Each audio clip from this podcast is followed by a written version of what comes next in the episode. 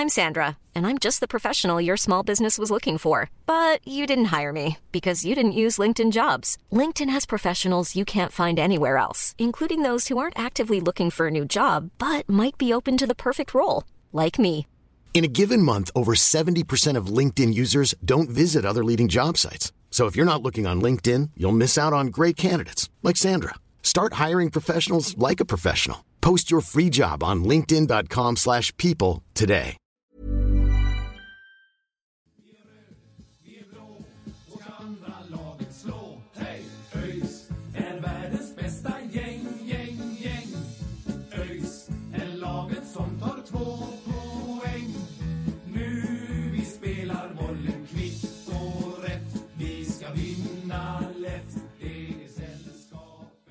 Ja, men god dagens på er allihopa. Ehm, idag så är det dags för oss att göra en eh, ny intervju och det blir ju med eh, Matti Demegård som är chefscout i ÖIS. Han har ju varit med ett litet tag nu i alla fall. Det var ju två månader sedan han började i alla fall. Så vi ska gå igenom lite liksom hur ÖIS jobbar och hur scouting fungerar och det ena med det andra. Det ska bli, ska bli jättespännande att prata med eh, Matti. För vi har ju snackat med tränare och spelare innan, men, men aldrig en, eh, ja till och med klubbchefer, men, men aldrig en scout på det sättet, eh, Marcus. Nej precis, det stämmer ju. Det stämmer ju och det, det kommer bli väldigt intressant. Liksom, scout är ju ett, ett yrke sådär som är lite, lite mystiskt på något sätt. Man, man vet inte alltid hur, hur de jobbar och, och liksom ja, hur, hur jobbet fungerar liksom. Och det, det, det är lite, lite mystik kring det och lite, lite kryptiska svar ibland. och Så där. Man vet inte alltid hur, hur det jobbar men förhoppningsvis så ska vi reda ut det nu med Matti här.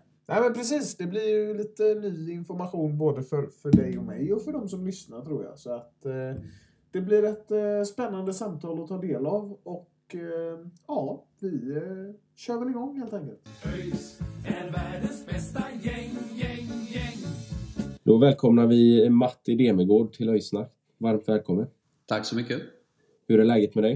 Eh, Det är bara bra. Eh, Tack, jättebra faktiskt. Härligt, härligt. Eh, hur är det? Har du kommit in i, i arbetet ordentligt? Det väl, du har väl varit i, i, i din roll som chefskatt nu i ett par månader. Har du blivit varm i kläderna om man säger?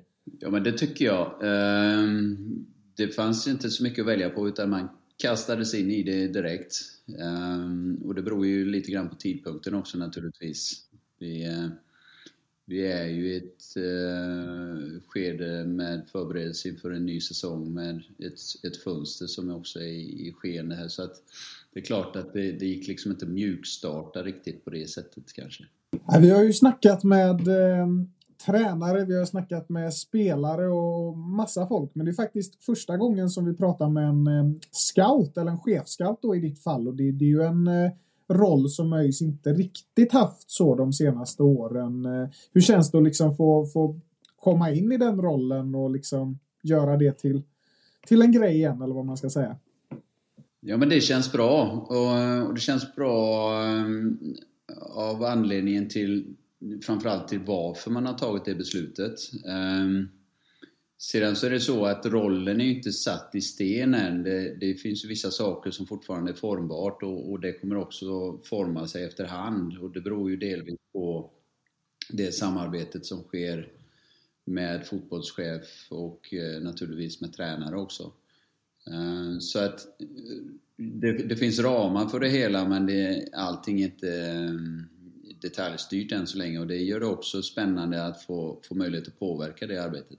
Ja, det kan jag tänka mig är, är intressant. Eh, Vi kommer komma in li- lite mer på det senare un- under intervjun här. Men jag, jag tänkte att vi ska köra en liten, eh, ett litet klassiskt öjsnack-segment. Eh, Fem snabba frågor. Ja, Så min första fråga till dig är, vad gör du helst på fritiden?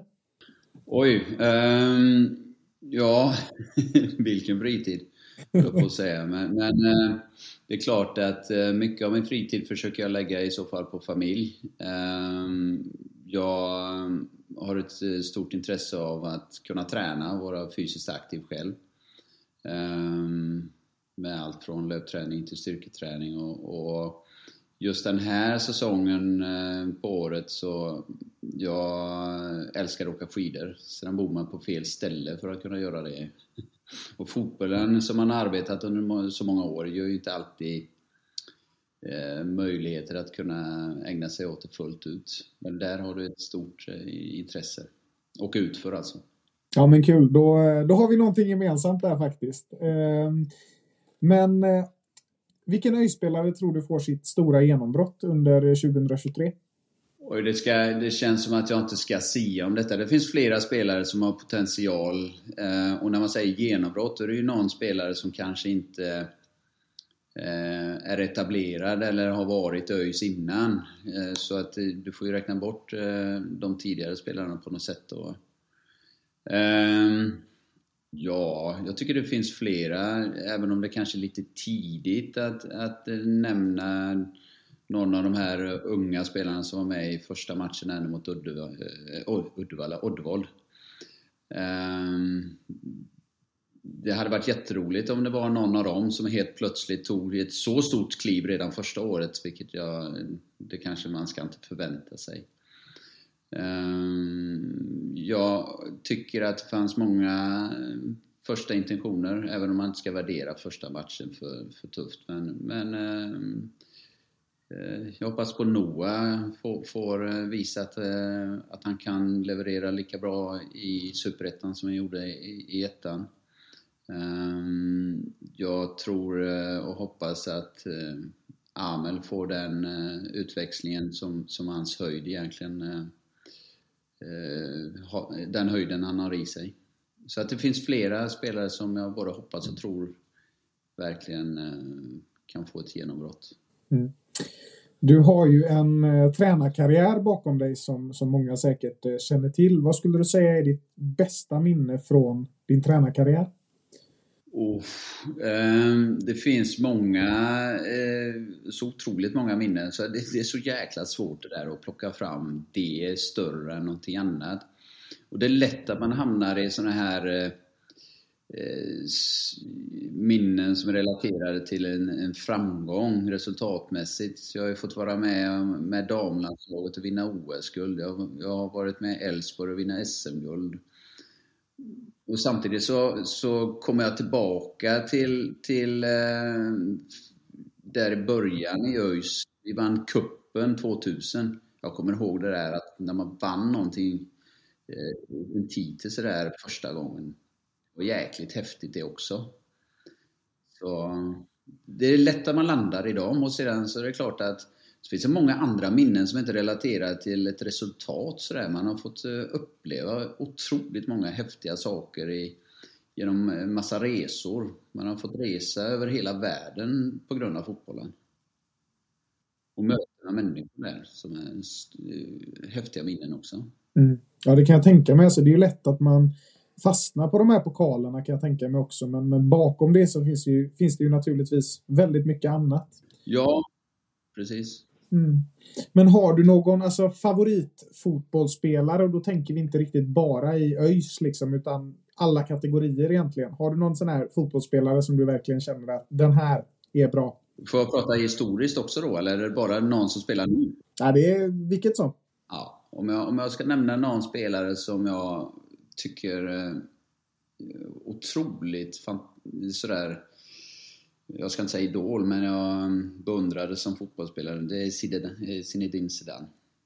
Jag tyckte han hade otroligt mycket eh, i sitt spel som är fascinerande och, och häftigt. Så att eh, ska jag någon så, så är det väl han.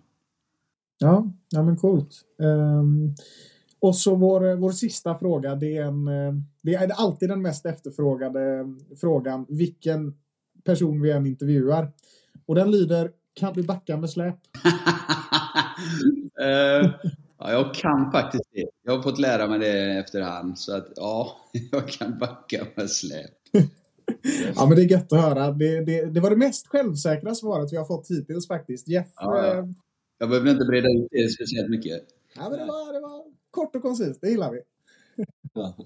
Ja, Jeff eh, kunde ju det, sa men innan dess så har vi intervjuat en hel drös spelare och så som ingen har, ingen har kunnat. Ja, det, det har varit stor, stor tveksamhet på, på allihopa. Ingen har får bli nästa scoutkriterie. Ja, precis.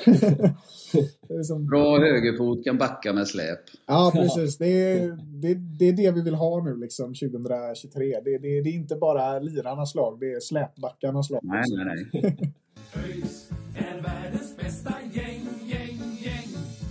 Som du sa tidigare, där, du har ju varit i, ÖIS tidigare. och Var med som sjukgymnast var det i början på, på 2000-talet och sen som, som assisterande också då, eh, lite grann. Eh, vad var det som fick dig att komma tillbaka till ÖIS nu, liksom eh, ja, en, ändå 15-20 år senare? Ehm, ett par eh, anledningar som sammanföll. Ehm, jag hade inget eh, eh, uppdrag under, eh, under 2022 Eh, och känner mig sugen att, att eh, återta ett uppdrag. Eh, när, när ÖIS presenterade vad man var och var man ville, eh, vad man hade för ambition, så tyckte jag att det kändes jäkligt spännande att dessutom få, få komma in i en roll som jag inte varit innan, men samtidigt eh, tror att jag kan med min erfarenhet bidra en del till. Då, då kändes det som en bra match helt enkelt. Eh, och sen känns det ju lite extra roligt då att kunna komma tillbaka. Det är ju rätt häftigt. Ja, ja men precis. Eh, om man liksom blickar, eh, var det liksom, det var cupguldet som var det starkaste minnet då från, från liksom tidigare, din tidigare session i ÖIS då? Liksom. Nej, ja, det är ett eh, för att det var liksom en titel och det var, kom rätt tidigt under min tid i ÖIS. Eh, sedan så hela den, de åren när vi eh, hade en, en framgång sportsligt också. Eh, inte minst eh, i samband med Brasilienspåret då. Jag var ju involverad i det spåret en del. Eh, jag tillbringade rätt Eh, mycket tid i, i Brasilien och det var ju också en rätt rolig och, och häftig resa det där, tycker jag. Och vi var ju tillsammans med Kalmar var vi ju ändå någonstans först i Sverige med att, att eh, få ha de brasilianska spelarna på något sätt i mer regelbundenhet i, i ÖIS då. Och det var också rätt eh, spännande och roligt. Och ett starkt minne tycker jag. Mm, mm. Det var du som hämtade hem eh, Afonso och grabbarna där då? Nej, Jag ska inte säga att det var jag, men jag var med, jag var med, och jag var med på, de, på de, den resan. Var, var involverad i det samarbetet med eh, eh, Atletico. Så att vi, vi var ett par stycken som jobbade i det samarbetet. Jag var en av dem. Men den här eh, resan, liksom, hur, hur länge var ni i Brasilien eller hur många gånger var ni där? Liksom? Hur mycket tid spenderades det? Ja, jag var ju där egentligen efter varje säsong från... Vi, vi åkte ju dit, nu ska vi se, det hösten 2001 åkte vi dit första gången för att träffa och sondera terrängen. 2002, sommaren, kom jag, om jag minns rätt, rätt år här nu, Afonso Palinho. Eh, och sedan från det så åkte, vi, åkte jag dit 2002, 3, 4, 5. Jag tror 5 var nog eh, sista året. Så var jag där sex också. Sen har jag varit där efter också då, men just i, i ÖIS tjänst. Eh, då och tillbringade man en hel del tid där. Eh, och hade utbyte, inte bara att man skulle titta på spelare, utan vi utbytte erfarenheter eh, när det gäller träningsmetodik, när det gäller fysträning, när det gäller medicinska frågor. Ja, det, var, det var mycket sådär. Spännande. Är det något som ni hade kunnat tänka er att liksom återgå till i dagens ÖIS? Kan det liksom hända att ni åker till Brasilien eller något annat land och, och scoutar? Det har man ju sett vissa svenska klubbar göra från specifika länder. Liksom. Sundsvall var inne på Spanien där ett tag och tog mycket spelare därifrån. Finns det några sådana planer i Örgryte idag? Nej, inte som det ser ut nu utan man har väl sagt så här att nu ska vi först och främst bli bra på att, att eh, ha koll på Sverige och eh, framförallt eh, regionalt. Um, och när jag säger regionalt så, så är det inte Göteborg bara utan vi, vi har ju hela Bohuslän, vi har Västergötland, vi har Halland. Vi det, är liksom, det är ju ett rätt stort område. Och så Sverige för övrigt. Uh, Så att vi, vi blir bra där och sedan så, jag ska inte säga att det aldrig kommer förekomma någon, någon spelare från utlandet. Det, det har, eh, de diskussionerna har förekommit redan nu. Men det är inte det som kommer bli ett huvudspår eller ett, ett starkt spår på det sättet. Det finns ju, jag tar Hammarby som har en, en tydligt spår med eh, och, och spelare från Afrika till exempel och så. Så där är vi inte. Nej. Det ska jag aldrig säga aldrig. Och, men det, det beror på också var, var man är någonstans i, i sin process eh, som klubb också. Var befinner vi oss? Eh, Jag skulle känna så här som superettan-spelare, eller superettan-klubb som vi är just nu.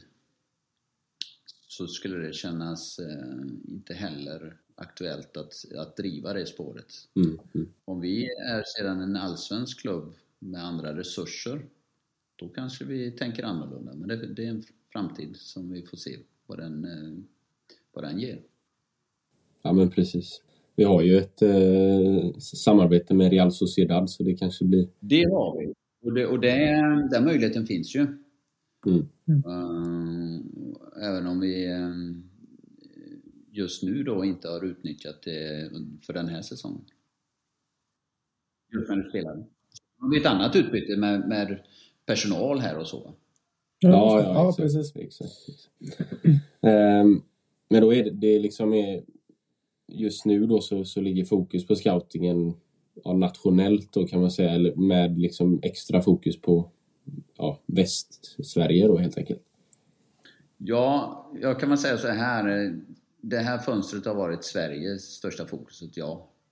Mm. Eh, Och, och kanske inte så mycket lokalt just detta fönstret. Sedan så vill vi bli bättre på det ehm, här nu i framtiden då. Mm.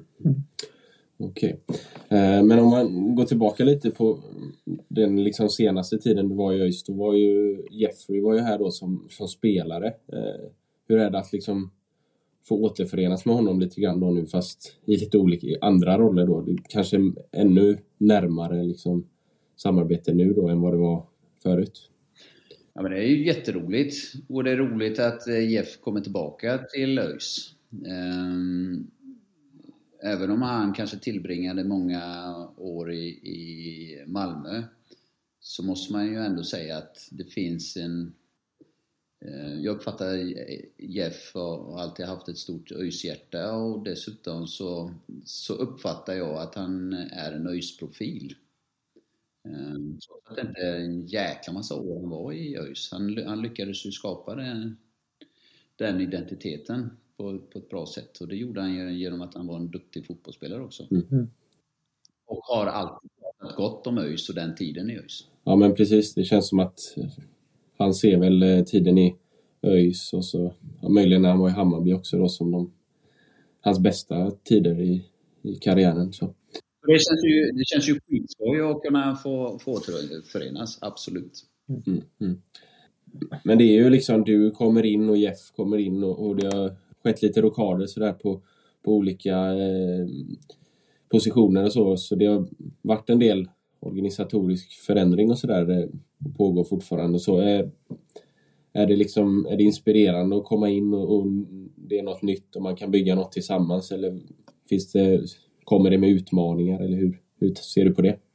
Jag tycker ju att, och det är som jag kommer tillbaka till varför vill jag hoppa på det här uppdraget, det är ju för att jag, jag tycker att det ÖIS har gjort den senaste tiden och vad man har för ambition, det rimmar rätt väl vad jag tycker eh, är bra för föreningen. Eh, man har gjort vissa organisatoriska förändringar, man har eh, valt att prioritera vissa saker i, i, när det gäller eh, budgetmässigt och så vidare. Och så vidare. Det är klart att när du, eh, när du gör många förändringar så kommer det skapa vissa utmaningar. Men det, jag ser inte det som att det är någonting som räds mig eller får mig att tveka. Absolut inte. Kanske snarare är roligt och Ja, men det är, det är ju en utmaning. Man ska se det som en utmaning istället. Någonting att ta tag i. Ja, men precis.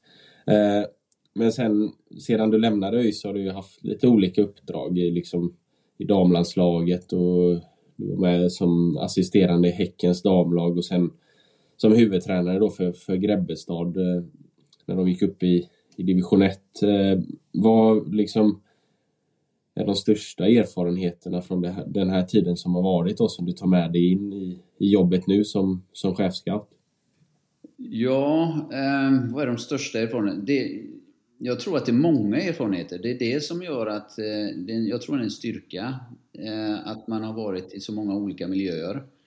Eh, man har fått vara i, på olika nivåer.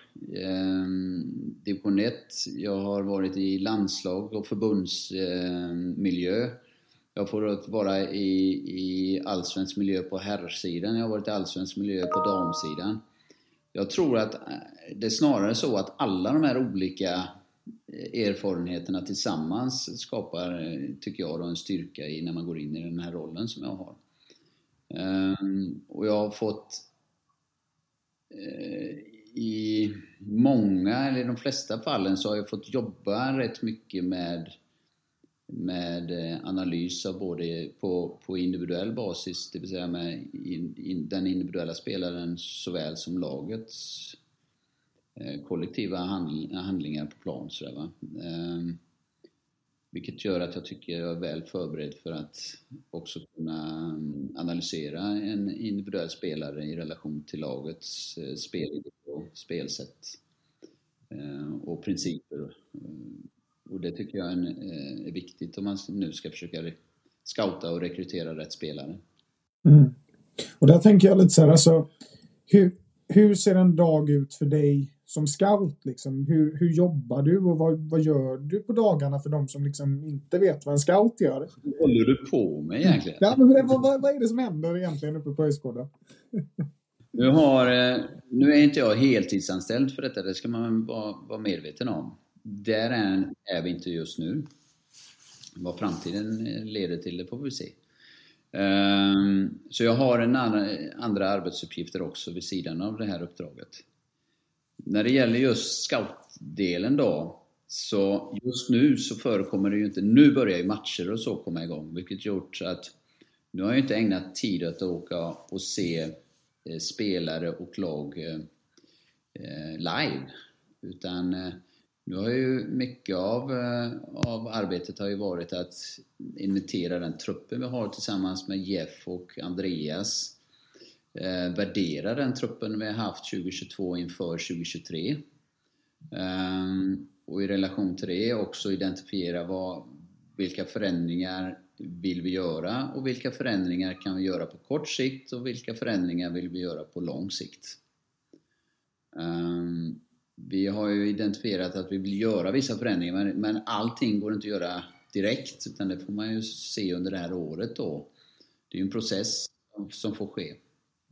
Och, så att det har ägnats en del, del tid, både i fysiskt möte uppe på Öjsgården tillsammans och, och en jäkla massa telefonsamtal. Otroligt många telefonsamtal. Eh, både med Jeff och Andreas naturligtvis. Eh, sedan så gäller det att det man har till hands, det är ju mycket eh, att se spelare eh, på jag ska inte säga video, för video är det inte längre, utan man har ju plattformar där man kan gå in och se matcher. Eh, så man får eh, scouta spelarna i matchsituationer då, på, som är filmade.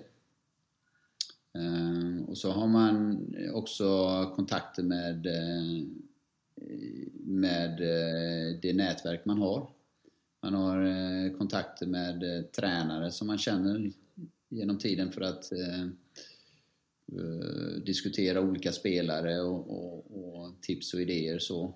Ehm, sedan så har man också kontakter med agenter, för det är så ser ju fotbollsvärlden ut. Eh, det finns ju knappt en spelare idag som inte har en agent som representerar dem. Så att vare sig man vill eller inte så kommer man ha den kontakten. Eh, och det, så att mycket, det är att sitta just nu framför, eh, har varit att sitta framför en dator och se spelare, se matcher. Det har varit att sitta i möten och det har varit att sitta i telefonsamtal. Mm. Ja men då, då, då, förstår vi. Då, då har vi koll på den. Det, det är ju inte så att Det, fun det, det, det, funkar inte på det sättet att ja, nu, nu tar jag mitt, eh, min tidkort där och så checkar jag in klockan 08.00 och sedan checkar jag ut klockan 15.00. Det, det, är inget sånt arbete. Det, det är liksom ett flytande arbete som jag ska inte säga 24-7, men för det är ingen som ringer mig mitt i natten. Nej, det, det är skönt att du slipper det i alla fall. Men du, kan ju likväl få ett mail som du måste svara på klockan 23.30 eh, såväl som att du får ett sms klockan 06.30. Eh, ja, jag förstår. Det låter, ju, det låter ju intensivt på det sättet, alltså rent tidsmässigt, att det kan hända både väldigt mycket och liksom antar att det går lite fram och tillbaka hela tiden. Det går lite i vågor ja. det där naturligtvis. Mm. Ja. ja, men precis. Sedan så kom, nu kommer matcherna igång så att nu Eh, Eh, nu har det varit väldigt mycket fokus på det kortsiktiga, naturligtvis. Ehm, men eh, vi kanske kommer in i den diskussionen, det här långsiktiga arbetet också. Som kanske successivt mina uppgifter går över till nu. Mm, ja men spännande. Och ser vi liksom Ser vi på det lite mer långsiktiga, alltså ÖIS har ju en strategi nu där man pratar om lirarnas lag och man ska skapa lirarnas lag över ett par år här nu och verkligen jobba in det begreppet på något sätt. Eh, och jag tänker att alltså när ni letar efter spelare och sådär söker ni på något sätt lite mer aktivt efter spelare som passar in i vår strategi och den visionen som finns om ÖIS idag? Eller hur, hur ser ni på det? Ja, så är det. Vi försöker ju eh, rekrytera spelare och när vi tittar på spelare så vill vi att det ska att det ska passa in i, i just den visionen. Um, ehm, så att dels när det gäller, eh, då, om nu ska uttrycka sig, lirarnas lag, men om, om vi kanske blir lite specifika i form av att um, vi vill ju vara bollförare till exempel. Vi vill eh, vara bättre på att diktera matchbilden. Ehm, så behöver du också ha spelartyper som klarar av just den delen. Ehm, sen finns det vissa saker i den fysiska delen, inte minst så, så pratar vi om att vi ska bli mer fartfyllda i vårt spel. Vi, när det gäller försvarsspelet så ska vi bli eh, intensivare i vårt eh, pressspel och då krävs det vissa fysiska attribut som klarar av det. Så det är också viktigt att titta på. Mm. Så Ja, svar på frågan. Visst är det så. Ja, nej men absolut. Och det tänker jag att det blir lite som att alltså visionen i sig är ju ändå ganska bred om man ska titta på det rent fotbollsmässiga. Och då är det då så alltså att man letar efter spelare som faller in på den här visionen eller faller in på någonting av den här visionen. Liksom. Det finns ju Alltså man kan ju vara spelförande och sådär till exempel. Och, och, då kan ju det vara en egenskap hos en spelare som, som ni tittar på och känner att det här skulle passa in i ÖIS. Liksom. Ja men eh, visst är det så. Det här skulle passa in i ÖIS. Och sedan så gäller det också att relatera det till vilka spelare vi har. Eh, vilka spelare har vi inte? Och sedan är det vilka spelare har vi som i, i akademin som, som vi tror på och som vi har eh, identifierat som framtida spelare. I, kanske inte direkt, men inom, inom en framtid här då. Och, ehm, det är ju faktiskt så att en av mina uppgifter blir att försöka få det här att synka ihop då. Rekryteringsarbetet i, till eh, vårt eh, representationslag A-laget.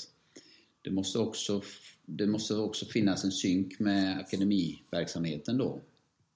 Jag brukar säga att det, det kan inte ske på två separata liksom, plan. Ehm, och vi pratar mycket om att vi ska vi lägger en hel del resurser, vi vill utveckla spelare på egen hand, vi vill så gott det går producera spelare från vår akademi till vårt A-lag. Då måste också den rekryteringen till A-laget synkas med vad de spelarna vi har i akademin. Vi kan, vi kan inte ha en rekryteringsprocess i A-laget som, som eh, försvårar eller hindrar att de här spelarna som vi har identifierat som, som framtida A-lagsspelare, att, att det krockar då. Mm.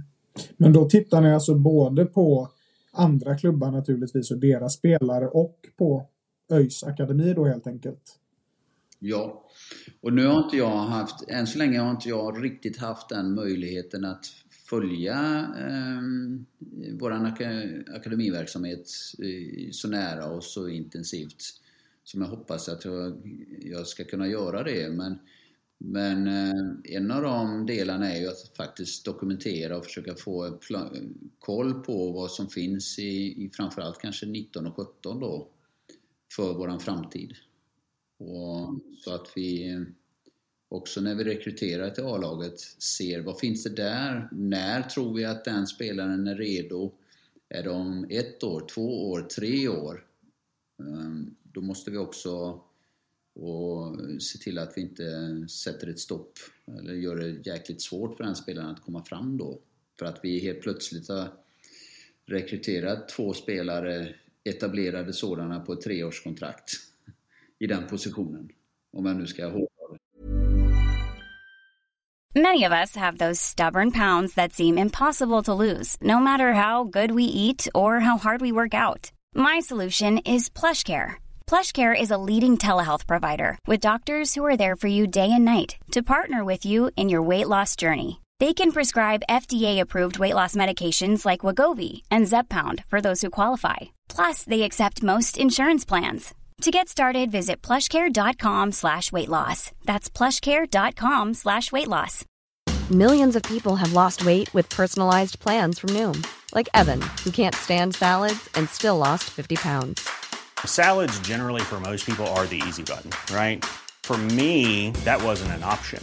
I never really was a salad guy. That's just not who I am. But Noom worked for me.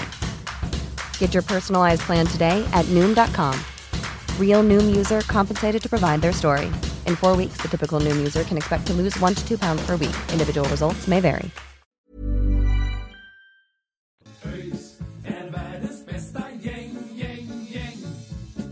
Var det idag, eller det, det var idag som eh, det blev officiellt då att William Alder fick eh, A-lagskontrakt som, som ytterback och det är väl kanske också då, där har vi ju gjort, vi har tagit in någon eh, Linus Tagesson och sådär men, men ingen, eh, inte så att vi har en, en uppsjö av ytterbackar i, i, i A-laget nu så det kanske också är, eller det är liksom ett sätt då också att, att ge honom chansen också då. Ja, och eh, om man, om man ska ge liksom ett exempel då, även om det inte är just i det här fallet. Men låt oss säga att vi hade stått med en vänsterback, eh, en etablerad vänsterback som har ett utgående kontrakt efter säsongen. Och så har vi identifierat en vänsterback, eller det kan lika gärna vara en, en vänsterforward. Så har vi identifierat det i akademin. Vi tror att, ja inte 2023, men kanske 2024 och senast 2025, då är den spelaren en, en, en spelare som ska spela regelbundet. Då kanske vi inte tar in en ny spelare och skriver treårskontrakt i den positionen utan då kanske vi förlänger den här etablerade spelaren ett år istället för att se vad som händer för den här unga spelaren. Så får den den utvecklingen som vi tror och hoppas. Som ett exempel då. Va? Ja. ja, lite så kanske det ändå för nu, eh, nu vet vi inte exakt hur, detaljerna där, men, men eh, Anton Land som var, spelade mycket vänsterback och sådär, eh, han gick ju vidare nu då. Så kanske man skapar utrymme för, för yngre förmågor också då. Ja, och det, just det här, det måste, eller det behöver kuggas i på ett bra sätt. Och det blir väl, en av mina uppgifter då blir ju bland annat att se till att vi får en bra struktur kring det.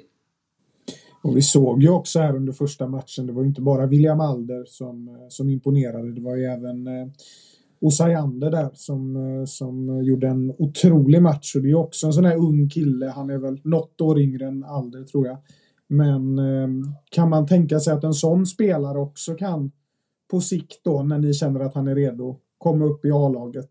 Kan det ske inom en ganska snar framtid och finns det flera spelare från akademin som kan hissas upp i A-laget redan i år. Ja, ett, jag tycker det var skitskoj att se Eh, Mike och William och, och, ja, det var inte bara dem, det var ju Wennberg och så vidare. Va?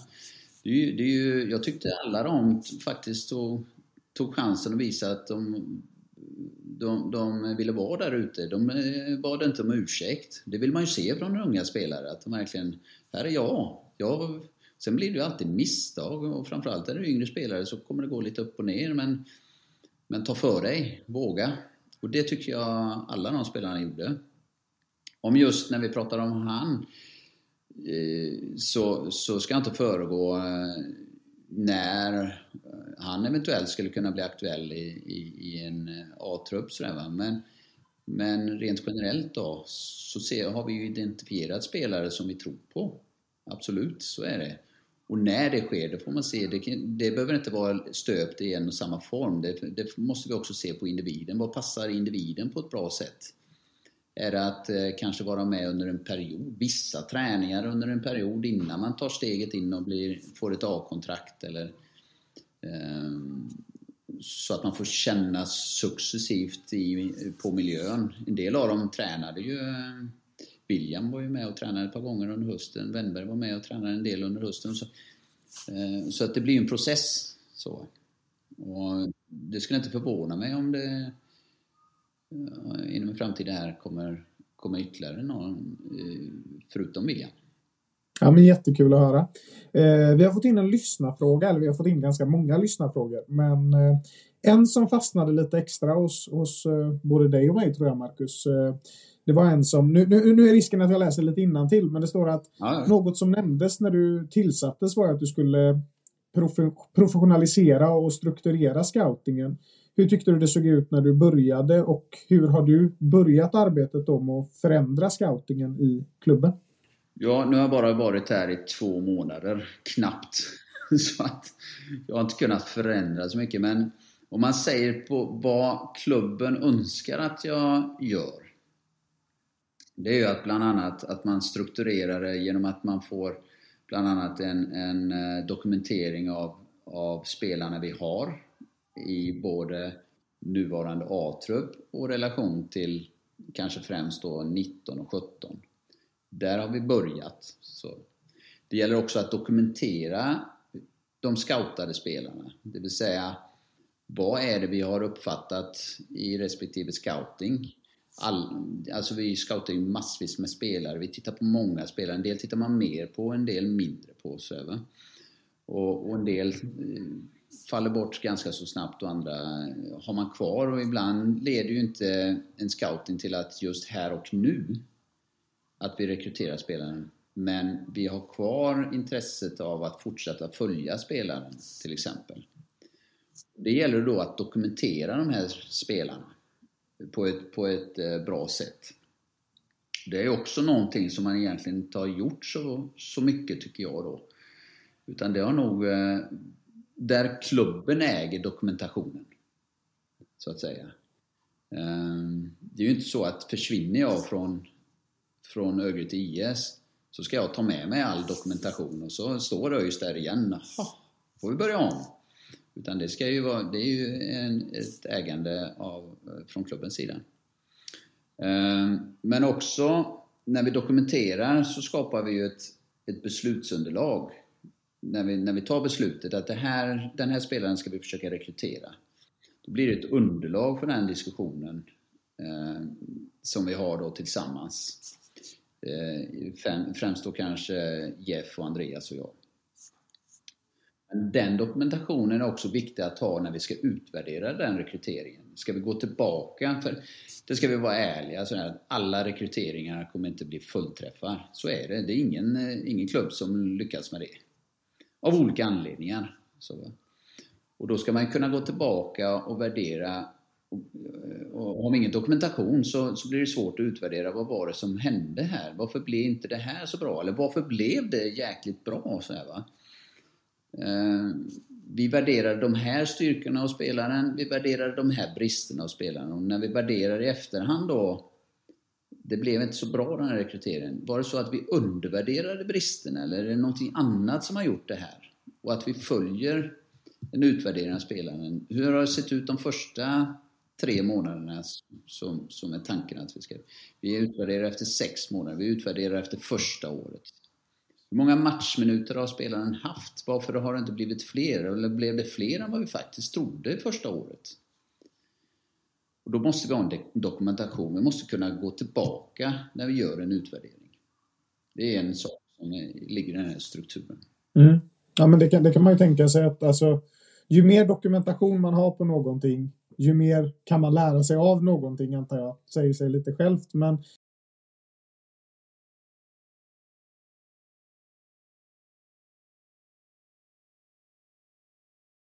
så har man inte riktigt kunnat gå tillbaka och säga så här, ja, vi rekryterade den spelaren för att, på de grunderna. Ehm, um, då känner man att man inte har tillräckligt på fötterna när man ska utvärdera det då. Och att man vill utveckla just den sidan. När vi pratar om struktur för övrigt då, som jag kanske, det jag inte riktigt hunnit är, det är att vi, vi ska skapa en struktur kring när vi ska scouta spelarna. Eh, vem ska hjälpa till? Jag är ju, det är ju jag just nu, men jag kommer inte hinna se alla spelare eh, och jag ska se en massa fotbollsmatcher. Men jag är en person. Eh, och sen tror jag också det är nyttigt att när man väl identifierar en spelare så är det bra om mer än mina ögon ser spelaren så att man får en värdering från, från ett par andra ögon och kanske ett, par, ett tredje par ögon. Så, så att jag ska ju ha eh, personer som, som är med mig i den här scoutingen också som kanske inte är anställda av klubben men som, som, som eh, jag och klubben eh, litar på och tycker är bra. Just det. All right. Ja. Um, alltså som vi har varit inne på så alltså nuvarande din nuvarande tid i ÖIS har inte varit jättelång. Den har ju varit två månader men vi har ju värvat mycket under vintern och hur, hur stor inverkan har du haft på de spelarna som har kommit till, till ÖIS? Har du varit med och plockat många av dem och scoutat många av dem och sådär innan de har landat på ÖIS-gården? Uh, det är svårt för, för mig att värdera. Jag ska inte säga att den spelaren är, beror helt och hållet på att jag är, har, finns i klubben. Så, Utan det där är ju en... Eh, jag identifierar, hjälper till att identifiera vissa spelare utifrån de behoven vi har. Uh, nu kanske vi har haft något större omsättning än vad vi kanske från första början hade tänkt. Uh, av olika anledningar. Men uh, jag har väl egentligen varit med delaktig i, i eh, alla spelare och sen har jag varit mer delaktig i, i en del av spelarna och lite mindre delaktig i några av de andra spelarna. Så, eh, den som hade varit eh, längre fram i rekryteringsprocessen när jag kom in, det var ju Linus då, Tagesson. Så det var ingen spelare som, som jag var med och identifierade från första början. Däremot så, så var jag med och, och värderade honom sedan när man, eh, precis innan eh, det blev färdigt. Mm. Så de senare kanske du har varit med mer, eh, mer då? Givetvis i, kanske i liksom kombination med med Jeff och Andreas då. Och sedan så, så är det ju så här att det kommer en jäkla massa spelare som, som dyker upp sådär va. Allt från tips till, till att agenter tar, tar kontakt och så vidare. Och då gäller det att, den, att värdera många av de här tipsen och en del följer man hårdare och andra så lägger man lite åt sidan så länge. Och vissa känner man direkt att det här är inte ÖIS profil på den spelaren. Det här är inte vad vi söker överhuvudtaget. Då lägger man det åt, helt och hållet åt sidan när man väl har tittat på spelaren. Jag försöker alltid liksom se, se vad, vad är det här och inte bara kasta det i papperskorgen direkt. Men hur många sådana, alltså hur många spelare kan du gå igenom på, på en vecka till exempel? Alltså hur många spelare har du kollat in senaste veckan om vi bara tar det som exempel? Ja, ja. oj. det är många. Det är otroligt många. Ja, det, det, det, kommer, eh, det kommer ju mail varje dag på spelare. Eh, och sedan så, så försöker vi också följa vissa spelare och sedan så ser vi också hur, hur eh, marknaden ser ut i vissa positioner där vi kanske tycker att det här behöver vi ha extra koll på för en, en lite mer nära framtidsrekrytering. Så. Eh, men ja, det är svårt att ge ett nummer, även om det är många. Ja, ja. Men om man ändå tittar, för där fick vi en, en, en lyssnarfråga också, liksom hur, hur långt ner i seriesystemet eh, kollar man liksom? Vi, vi har ju, ÖIS har ju ändå en tradition av att ha plockat in en del spelare från division 2 och, och division 1 och sådär som, som har gjort det väldigt bra och, och sen gått vidare och liksom blivit riktigt, riktigt bra som Ludvigsson och Alexander Bernhardsson och, och Aydin och sådär. Eh, så hur långt ner kollar man i, i seriesystemet? Ja, jag kan säga så här att vi kommer lägga eh, en hel del tid på division 1. Eh, vi kommer försöka också ha en, en koll på division 2, men jag, vi kommer inte resa runt i hela Sverige för att titta på division 2. Det kommer vi inte eh, lägga tiden på. Det, det är inte resursmässigt eh, vi är inte där. Eh, Men division 1, definitivt. Eh, mer Med det lokala typ division 2, om vi pratar Göteborg, Bohuslän och kanske Varberg eller sådär. Eh, det hållet. Men inte lika mycket typ division 2. Det blir mer sådär att det är någon en, enstaka spelare som man vill, eh, och då gäller det nog framförallt lite yngre spelare. Kanske framförallt, även om jag inte ska säga att och vi kommer aldrig titta på en spelare i division 2 som är över 21 år. Så är det inte. Ehm, och jag tror att det, det, finns, eh, det finns många duktiga. Jag har ju varit där. Jag har varit både division 1 och division 2. Och det finns faktiskt en, en del spelare där som, som i rätt miljö och med rätt eh, mm, liksom eh, eh, timing så skulle det kunna vara spelare som kan spela högre upp i seriesystemet. Det är jag övertygad om. Det finns ju flera exempel. ÖIS har ju några stycken här. Titta på...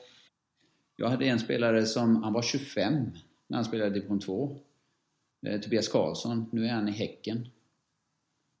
Um, jätteduktig spelare. Det är en, I mina ögon, det är en allsvensk spelare.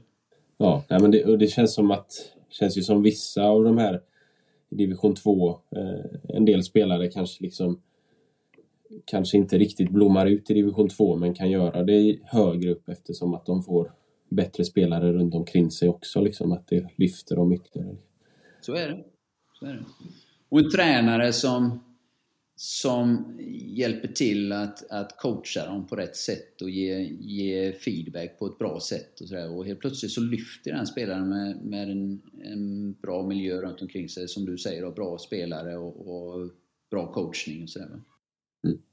Det är ju det som är det liksom ändå fantastiska med, med den här sporten, att det finns så himla många vägar att gå. Liksom. Bara för att man lirar i division 2 när man är 25 så betyder det inte att man kan spela med svenska mästarna. Liksom. Och det, det måste ju vara häftigt att få liksom se det, alltså även i ett tränarperspektiv och ett scoutperspektiv kan jag tänka mig. Alla de här olika resorna som görs i, i fotbollssverige och i fotbollsvärlden.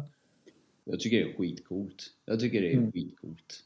Ehm, och jag tycker att det är också för de spelarna som finns där och spelar division 2 att om man har de drömmarna och ambitionerna så är det, så är det inte över, så att säga.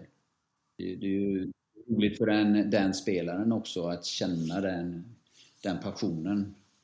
Om det leder sedan till att man kommer in i elitfotbollen eller inte, det, det, är, ju, det är ju timing och som sagt, det, ibland är det tillfälligheter. Um, ja.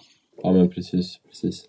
Eh, och vi fick även sen då en, en lyssnarfråga om, om det liksom ingår i din roll att, att delvis liksom titta på spelare i, som finns i, i truppen just nu och som, men som liksom kanske är aktuella för en utlåning och sådär och alltså hitta en rätt klubb till dem och så eller är det något som du, du jobbar med också? Ja, ehm, så här kan man säga. I min roll så ingår det att jag ska, jag ska kontinuerligt analysera ÖIS spelartrupper. Det ingår ju att analysera A-truppen.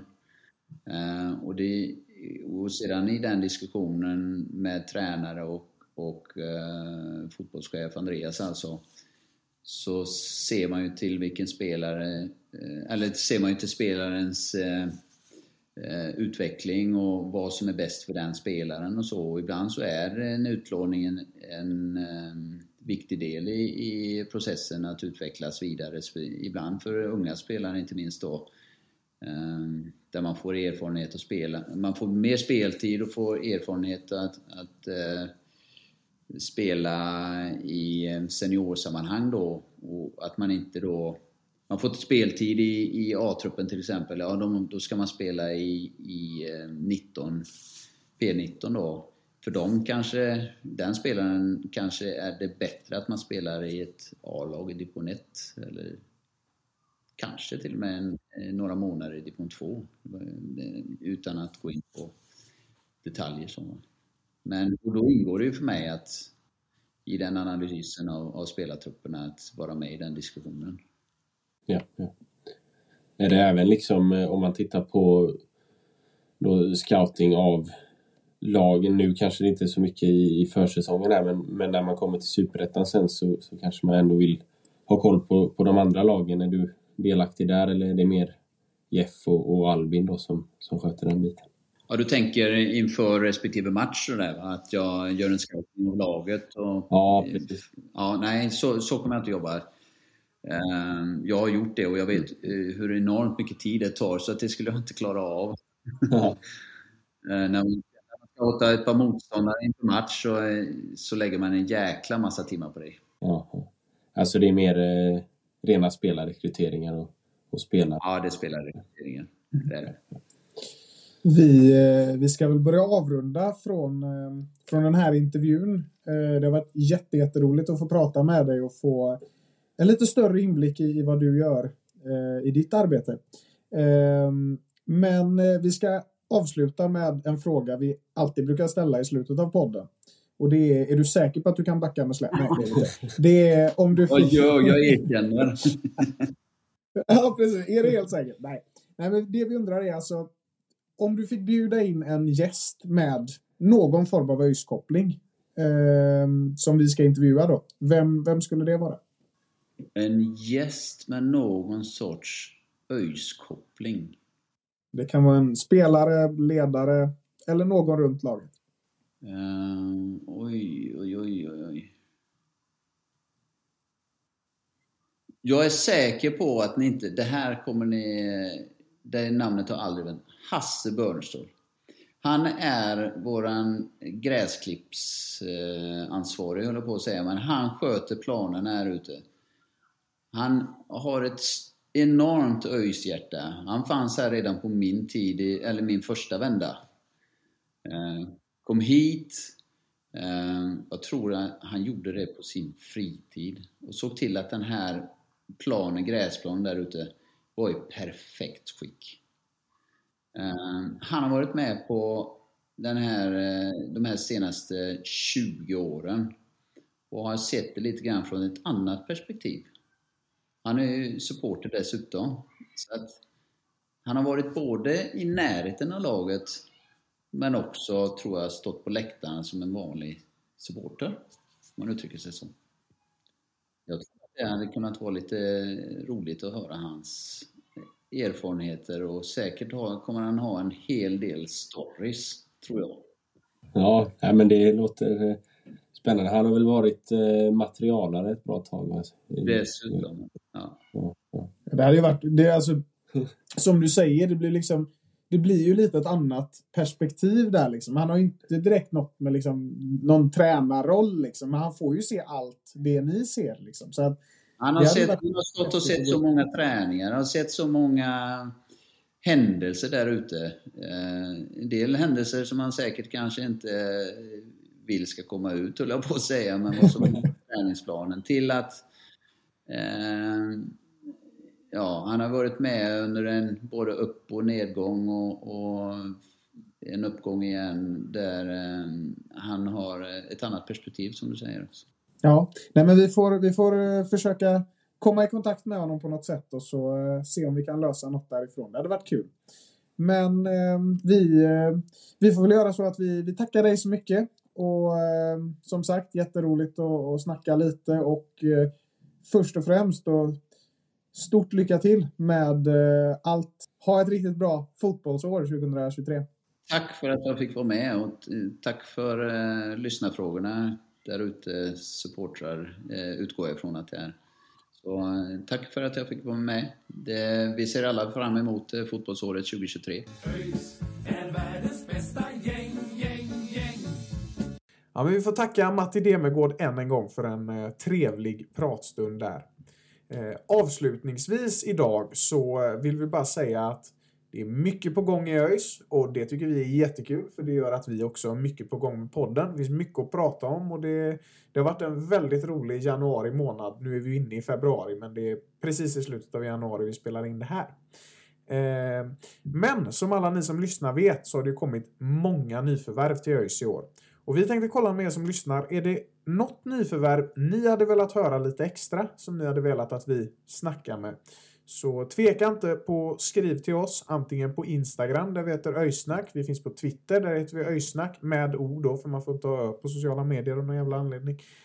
Ehm, och vi finns ju också på, vart finns vi mer? Ja, det är där vi finns. Egentligen. Ja.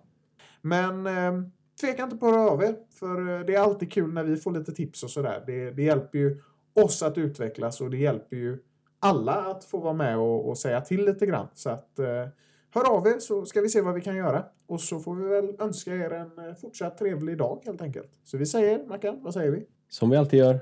Ha det gött. Hej!